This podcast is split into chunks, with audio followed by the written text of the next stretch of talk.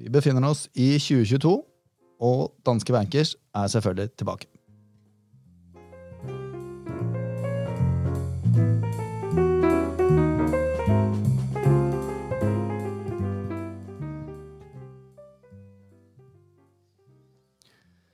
Med meg har jeg vår sjefstrateg Anders Johansen. Velkommen, Anders.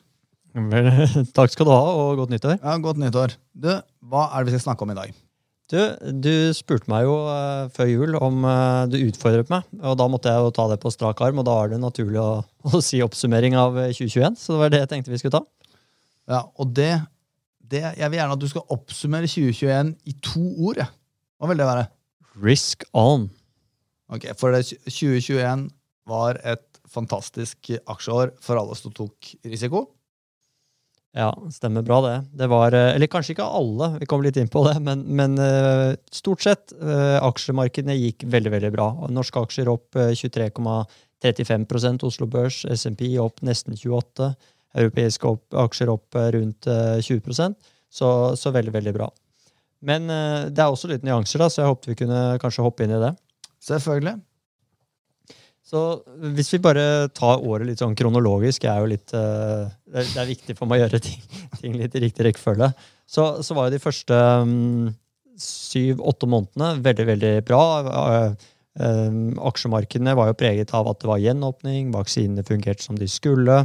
Selskapene gjorde det bra, vi reiste mer. liksom ting var veldig veldig hyggelig. da, og, og vi ser også Hvis vi legger amerikanske og norske aksjer opp hverandre, de fulgte hverandre veldig tett.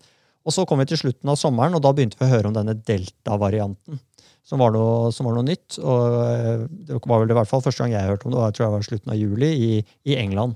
Så tok det litt uh, mer tid, og gradvis så kom jo mer rundt det. Samtidig så kom forsyningskjedeproblematikk. Vi fikk uh, høyere råvarepriser og høyere energipriser. Oljeprisen steg, gassprisene steg. og plutselig så var det september, og aksjemarkedene falt en 4-5-6 um, og da, liksom, da, da, snudde egentlig klimaet litt, vil jeg si, fra august og, og, fremover. Kunne også se det på begynnelsen av året, hvis vi litt, hopper litt tilbake igjen. så var det, Jeg sa jo risk on, men var, sånn, da var det maks spekulasjon. da.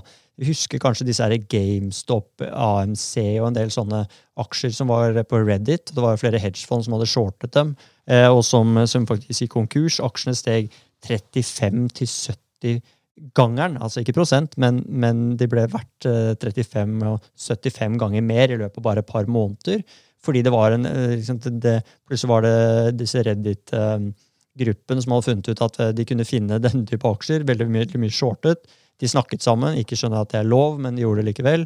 Og så kjøpte de dem, og så, og så var det noen som ble, ble tatt på senga, rett og slett. Og, og de aksjene steg veldig veldig mye. da. Og de kom hele tiden nye sånne. Det var også noe som heter SPAC, Special Purpose Acquisition Company i USA. Som de henter inn penger, eh, men de vet ikke hva de skal bruke det til. Og det var også alle mulige kjendiser og alt mulig andre som, som, hentet inn penger. Det ble hentet inn I 2020 ble det hentet inn mer penger i spakker, for det har vært noe som har eksistert i mange år. Eh, mer enn de 20 foregående til sammen. Og i 2021 doblet vi det volumet igjen. Sånn at, uh, og for alle som snakker om øh, aktiv og, øh, slash, eller i forhold til indeksforvaltning, Tenk deg noe mer tro på et, en forvalter enn å gi ham penger uten at han har sagt hva han skal bruke dem til. Det eneste som er kravet, er at han må bruke dem i løpet av to år. Um, hvordan reguleres disse special purpose vertical accusation companies? Ja. Uh, nei, Det er en egen lov da, selvfølgelig i USA hvor de henter inn dette. Men jeg har lest at det er kommet til Europa òg, og det er også noen som foreslått å ha det i Norge. Jeg, jeg kan ikke skjønne at det, jeg, jeg, tror ikke det er noe vi trenger. da. Men det er en, en, et selskap som allerede er på børs, og de kan da kjøpe opp noe eller, eller merge seg med et eller annet. Så en veldig effektiv og rask måte å komme på børs da, hvis, eh, for, for andre selskaper. Så det er en del, eh, en del, andre selskaper som har kommet veldig effektivt på børs på den måten. Men, men det er jo da masse kjendiser, eh, rapp og forskjellige som har vært med på å hente inn penger til dette. her. Så, så liksom pengene satt ekstremt løst uh, i, i, i, begynnelsen av året, og det, også i store deler av resten av året, egentlig. Men hva er liksom, hva er salgspitchen? Altså, jeg vet at Alibaba faktisk hadde noen sånne special Christmas gifts. Digital package kunne du kjøpe. Kostet, altså, liksom, kostet 5000 kroner, og ikke peiling på hva som er oppi der. Kanskje du er heldig og får en PlayStation 5. Du vet ikke. Fikk alle samme, eller var det tilfeldig, det òg? Jeg, jeg, tror liksom det var en sånn random lootbox nesten da, for de som uh, kjøpte det her. Det høres jo litt sånn ut, disse spakkene også. Ja, det, det, det, var litt sånn, og det, det var i den samme perioden sant, hvor, hvor, Tesla har jo steget enormt mye. Dette andre bilselskapet, Nicola, sant, som, som skulle lage disse, bil, disse, trailerne, som jo knapt hadde en forretningsmodell. De hadde jo knapt, knapt uh, laget en bil. Uh, plutselig ble jo verdt uh, mange mange titalls milliarder dollar osv. Så, videre. så det, det skjedde veldig, veldig, veldig, mye i den perioden, og det var nok også en konsekvens at mange hadde begynt å spekulere i aksjer. Det gikk bra. Og man kjedet seg kanskje litt. Altså, men storyen må jo ha vært liksom, at du er med i samme spakk som George Clooney, eksempel. Altså er det liksom kult, selv om ikke du vet hva som skal investeres i? Ja, jeg vet ikke helt. Altså, mange av de som hentet inn penger, var jo veldig dyktige anerkjente forvaltere. Ok um, at, at, man kanskje kan gi dem penger, men det var også mange som hentet inn penger som ikke var det. Så, så det var i hvert fall, uten at Vi grav, vi kan kanskje lage en egen episode på det, men, men um, i hvert fall så, så, var begynnelsen av året var spesielt preget av det men, det. men det var igjennom hele året, og det ble også hentet inn rekord, altså det var rekordstore tegninger i aksjer i, i hele fjor. I aksjer og, og aksjefond eh, over 1000 milliarder dollar da, i USA. Også det mer enn de foregående 20 årene til sammen. Eh, og jeg hørte også på, på, radioen i går at i Norge var det også sånn at det er flere nå enkeltaksjonærer enn noen gang før. Så det var en veldig sterk trend da, gjennom, gjennom hele året. Um, men så, som sagt, så skjedde det et skift da i august-september der, og gradvis så kom vi litt over i, i de gamle traltene, egentlig. De aksjene som hadde gjort det best i, i 2020, eh, gjorde det også etter hvert best i 2021. Det er selskaper som Microsoft, Apple, Google osv. de vi, vi, kjenner. og vi, eh, for, for, et par år siden så diskuterte vi jo eh, hvilket selskap blir det første som går gjennom 1000 milliarder dollar i market cap. Nå i år så passerte Apple 3000 milliarder dollar. Så, så de selskapene hadde jo, sant, de har fantastiske forretningsmodeller, men de var jo også veldig det passet veldig bra i eh, koronaverden. Du kan kjøpe det på nett. For har du ikke noe annet å kjøpe, så kjøper du kanskje en ny iPad eller en ny telefon. Eh, du kjøper PlayStation, du kan ikke reise, men du, du spiller mer, eller du er altså Netflix osv. osv. Den type aksjer eh, fortsatte å gjøre det veldig bra. da. En annen ting som var litt interessant, det var jo det at rentene var lave veldig veldig lenge. De, de lange rentene i USA, den tiårs amerikanske statsobligasjoner, den toppet faktisk i april og falt deretter ut året. Uh, og det er jo spesielt når vi vet at i løpet av året så skiftet man fra begynnelsen av året til å tro at uh, Fed ikke skulle sette opp renten i hele tatt i 2022, til at vi nå i dag tror at de skal sette den opp fire ganger i løpet av 2022. Så det skjedde et enormt skift der, men de lange rentene steg samtidig ikke. Så, så mye, mye, sånt. Ellers så husker vi jo også at uh, oljeprisen steg veldig mye. Det gjorde jo at Oslo Børs eh, i hvert fall i en lang periode gjorde det veldig veldig bra. Var opp, eh, opp mot 30 eh, en periode, og så falt det litt mot slutten. Også fordi oljeprisen begynte å falle da, da vi i november lærte en ny gresk bokstav. Vi kunne den kanskje før, men i hvert fall kom det en ny variant, denne eh, omikron. Oh ja, såpass. Ja. Ikke sant? Og, og, det var jo spennende nok i seg selv, for plutselig hoppet man rett fra delta i det greske alfabetet til omikron, som er nummer 15. Eh, så vi, ja, vi, må ta en prat med de som la, setter navn på disse føderantismene, for å forstå hva de gjorde der. Men, men, i hvert fall så var jo den eh, Den kom i begynnelsen av november. Markene, nei, unnskyld, i slutten av november. Markedene falt jo en del på det. Og så, eh, og det vi var mest redde for, vi så med en gang at den var veldig smittsom.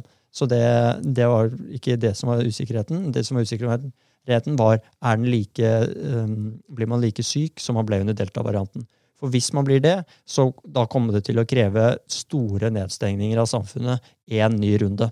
Og så har vi jo siden det uh, lært at uh, nei, like, like, man blir ikke like syk. Uh, og derfor så har egentlig nå aksjemarkedet i stor grad priset ut denne omikron.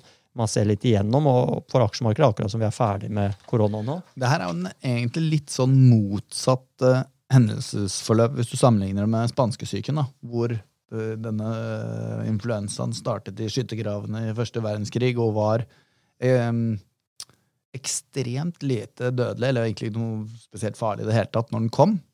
Men den var veldig smittsom. Høres litt ut som omikron, egentlig. Og så fikk du jo en mutering der som gjorde at det ble veldig, veldig lite hyggelig å ha, ha det viruset, og folk strøyk med av det. Men det er jo veldig mye bedre at det går den veien det har gått nå for oss, enn sånn som det gikk med spa- spanskesyken. Ja, og da, Der er du inne på noe hvor jeg bare krysser fingrene for at du har rett i det. At, eh, at, at altså, Vi vet jo det, at et virus, så lenge det lever og får leve fritt da, uten å bli behandlet eh, på noe vis, så, så mm, vil det mutere. Og eh, hittil har jo alle, hver gang det har blitt en mutasjon og en ny bølge, så har det blitt mange smittet, men det har blitt mindre alvorlig, og færre har kommet på sykehus. Og så bare krysser jeg nå fingrene for at det ikke kommer en ny variant som er mer, eh, at man blir mer syk igjen. For aksjemarkedet har prist ut det, det er det ingen tvil om. Men, eh, men jeg er ikke altså, Den muligheten er der fortsatt, så vidt jeg vet. da. Ja, ja. Så, så ja, nei, det, det blir eh, spennende å se. Vi, altså Etter to år nå så får vi vel bare være enige om at vi, vi krysser veldig fingrene for at vi slipper en runde hvor, hvor det liksom blir full nedstenging. Ja. Um, yes. Eh, Så kort sagt, da. Aksjeåret var veldig veldig bra. Vi endte jo på nesten eller all time high på en del eh, markeder, nesten på Oslo Børs. Men det var ett område som skuffet, og det var emerging markets. Um, Det var nesten flatt gjennom året, eller så godt som flatt. Og en del markeder eh, falt også. Og det var mye drevet av Kina. Og vi ble jo alle i eh, september-oktober kjent med et kinesisk eiendomsselskap som vi jo aldri hadde hørt så veldig mye om, Evergrande. Eh, som jo faktisk eh, noen par år tidligere var verdens eh, største eh, i hvert fall verdens største eiendomsselskap, men jeg tror også periodevis, eh, en periode da hadde den største market capen i verden. Um, og det var det plutselig snakk om at det går, eh, kan gå konkurs, eh, og er det en boligboble i Kina.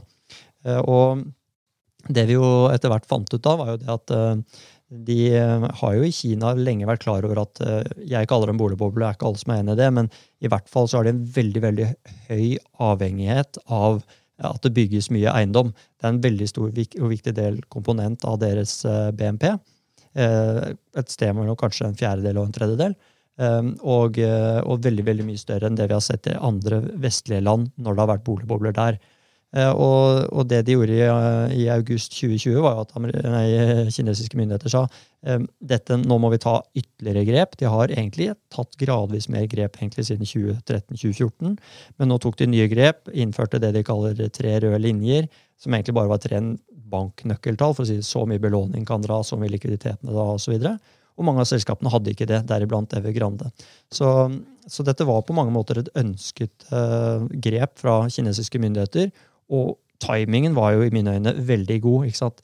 Resten av verden gjenåpnet. Det gikk utrolig bra i amerikansk økonomi, gradvis bedre i Europa, Norge går jo veldig bra, osv. Eh, finnes det noe bedre år enn da å ta tak i en sånn boligboble og på en måte begynne å slippe ut luften av den? da? Men det smittet jo sånn sett over på, på eh, emerging markets, og, og det var vel det markedet som skilte seg ut mest negativt i fjor.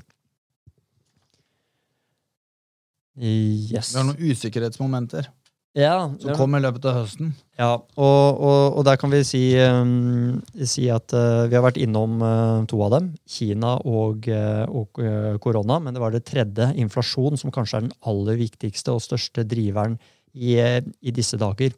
Um, og, og som sagt, vi, vi begynte jo året med, uh, altså 2021 da, med en tro på at uh, det er lenge til Fed skal sette opp renten. Fed er jo sentralbanken i USA. Um, vi tro, trodde det var lenge, i hvert fall ikke før i type 2023.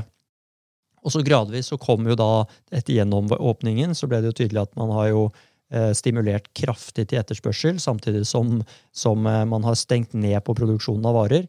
Da, hva skjer da? Jo, da blir høy etterspørsel og lav, eh, tilbud. Da stiger prisene. I tillegg så hadde vi problemer rundt eh, forsyningskjeder. Eh, havnene var fulle av tomme, tomme og fulle containere. Det var masse sånne ting som gjorde seg gjeldende. Energiprisene steg noe voldsomt, og vi fikk inflasjon. Og plutselig så sitter vi nå i en situasjon hvor, hvor eh, Fed da først kom de med en plan i november, hvor de sa at de skulle trappe ned, ned støttekjøpene sine av obligasjoner, som de innførte under korona i, i mars 2020. De skulle trappe ned eh, over ni måneder frem mot eh, juni i år. Og så kom de i desember og sa vi, eh, vi er nødt til å gjøre ting raskere. Um, og så sa de ikke så mye mer enn det. Og så, fikk vi da i forrige uke så fikk vi et uh, se referatet fra det Fed-møtet. Og der var det ganske tydelig at det er ikke bare det de har tenkt. De har også snakket om at kanskje ikke vi bare skal trappe ned støttekjøpene, men kanskje vi skal begynne å selge obligasjoner tilbake igjen i markedet. Og den dagen så steg jo plutselig rentene massivt, og, og aksjer, og spesielt disse vekstaksjene, solgte av kraftig. da. Ja. Så, så inflasjon er, er, superviktig, og i morgen så kommer da inflasjonstallene for desember for USA. De er ventet å, å komme inn på 7% som er bitte litt høyere enn forrige måned, på, som var 6,8. Og det er da det høyeste tallet som har vært siden, to, eh, siden 1982, altså på 40 år. Da. Ja. Det her var helt sinnssykt mye informasjon, og den gangen her så jeg faktisk ikke truet deg til å oppsummere eh, alle de tingene du har fortalt meg nå, men jeg vil gjerne høre om klarer å oppsummere 2021 i én setning. Ja, det, det, er aldri, det, er aldri enkle, de utfordringene, men jeg kan jo prøve. Så jeg vil si at Det var et veldig sterkt år for globale aksjer, og på bakgrunn da av gjenåpning, god inntjening, høy vekst i verdensøkonomien, um, og også tatt i betraktning at 2020 var et veldig spesielt år. Jeg syns det var ganske bra.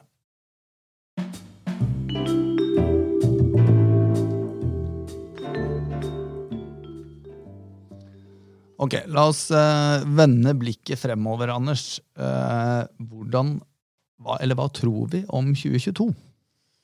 Ja, og På bakgrunn av, eh, av, et sånt fantastisk år, så er det jo naturlig at ting kommer til å bli litt mer normalt i år. Derfor så tok vi faktisk i overgangen november-desember aksjer fra overvekt til nøytralt. Og vi tror nå på en global aksjeavkastning i år på et sted mellom 2,5 og 7,5% aksjer. Eh, og så tror vi at eh, fortsatt kommer eh, mange av økonomiene, de viktige økonomiene til å vokse fortere enn trend, men det kommer til å være gradvis, gradvis mer og mer nærme trenden. Samtidig som disse risikofaktorene som jeg har trukket frem, altså Kina, inflasjon, korona, og kanskje det også trekker fram en, en fjerde som er politikk, storpolitikk. ikke sant? Eller, ja. I hvert fall, så de, tingene der kommer til å gjøre at svingningene blir mye større enn det vi har, eh, har sett det siste året. Og Det snakka vi om i forrige podkast, hvis noen har lyst til å høre litt om hvordan egentlig typiske aksjeår utspiller seg, og hvilke form for svingninger man bør kunne tolerere hvis man ønsker å operere i markedet. Helt riktig. Veldig bra. Um, og vi har også snakket om hvordan man kan, kan fase seg inn i en sånn periode. Så exactly. Så det, det, det, er bra. Vi bygger stein på stein. Ja. Um, ja, og hvis vi, hvis vi, snakker litt om disse, disse um, usikkerhetene, da, for vi har sagt at ok, vi tror uh, avkastning på 2,5-7,5% Vi tror uh, svingningene blir større enn i fjor. Uh, og så har vi usikkerheten. Inflasjon er jokeren, som sagt. Den har jo egentlig snakket mye om nå. Men vi tror at Fed kommer til å sette opp renten. Markedet tror, tror fire ganger i løpet av året. Um, og så um, har vi snakket om, uh, litt om korona, og fortsettelsen av det er jo egentlig litt at aksjemarkedet har jo priset, uh, priset det ut. De tror nå at, uh, at vi er ferdig, ferdig, med det. Omikron er den siste varianten. Det er en fantastisk måte å vaksinere veldig, veldig mange folk veldig fort. Um, og, og, det kommer sannsynligvis ikke nye varianter etter det. Det er jo det aksjemarkedet tror, og, og vi krysser fingrene som sagt, for at det blir fasiten på det. Eh, Kina har jeg nevnt, de, jo, de hadde en historisk svak vekst i fjor. Og de kommer til, den nye vekstmodellen deres den, den kommer til å medføre lavere vekst eh, fremover enn hva vi har sett de siste 10-20 årene, hvor de har vært en veldig viktig driver for verdensøkonomien. Vi kommer til å måtte venne oss til at Kina vokser 3-4-5 mye mer likt det vi er vant til fra våre egne land, eh, til, eh, i forhold til hva de har gjort de siste årene. Eh, og så får vi bare krysse fingrene for at det går som vi tror. At de klarer å slippe luften ut av denne boligboblen på en kontrollert måte. Det er i hvert fall vår, vår hovedhypotese når det gjelder eh, Kina. Og da er vi på den siste, siste usikkerheten, og det går på eh, storpolitikken. Eh, det er jo som kjent mellomvalg i USA 8.11. i år. Og hva er et mellomvalg? Jo, det er et, eh, et valg som kommer hvert, hvert, fjerde år, men da midt mellom presidentvalgene. Som kjent jo, ble jo Biden valgt for, for, eh, litt over et år siden. Han sittet i et år. Eh, og da i november i år da, så er det et mellomvalg. Da skal det velges nye representanter til Representantenes hus, og en tredjedel av representantene i Senatet blir også byttet ut. Akkurat nå har jo Biden flertall i begge de to eh, kamrene, som gjør at han, eh, hvis han bare får skikk på eget parti, kan ganske effektivt eh, gjennomføre lover. Hvis han mister flertallet i ett av de to, så vil han bli, bli vingeklippet. Eh, lame duck eh, er det noen som beskriver det. Eh, som gjør at han blir mye vanskeligere for å få gjennom sin egen politikk. Og det tror jeg eh, Man skal ikke undervurdere at han kommer til å prøve å kjempe med nebb og klør for å unngå det. Og, og noen av de tingene han må gjøre da, er å få ned inflasjonen. Der, der, har vi sett at Fed nå er kommet ganske aggressivt på det. Eh, og han har også der prøvd å, å, få ned oljeprisen ved å slippe ut fra de strategiske petroleumslagrene til USA. Veldig spesielt. Tror ikke det funker spesielt godt heller, men han, han, han er litt desperat, for han er nødt til å få opp eh, sin popularitet. Og enkleste måten å få eller nesten avgjørende for han er å få, få inflasjonen ned da, for å få til det. Eh, men da er den neste og siste måten å gjøre det på, det er jo å få en eh, fiende utenfor. Det pleier å samle mm. befolkningen. Eh, så jeg er jo litt redd at i en periode hvor Kina ypper seg overfor Taiwan, Russland ypper seg overfor Ukraina, vi ser problemer i Kasakhstan, antageligvis andre land også etter hvert, som, som høye høy inflasjon slår ut, at da skal amerikanske presidenten også begynne å yppe seg litt og, og, og markere seg for å, å, klare å komme seg bedre inn mot det valget 8.11. Så det tror jeg også er en sånn joker som, som ligger der. Det er eh, liten tvil om at det finnes mange usikkerhetsmomenter for 2022. Eh, men hvordan vil du da eh, oppsummere vår anbefaling for 2022?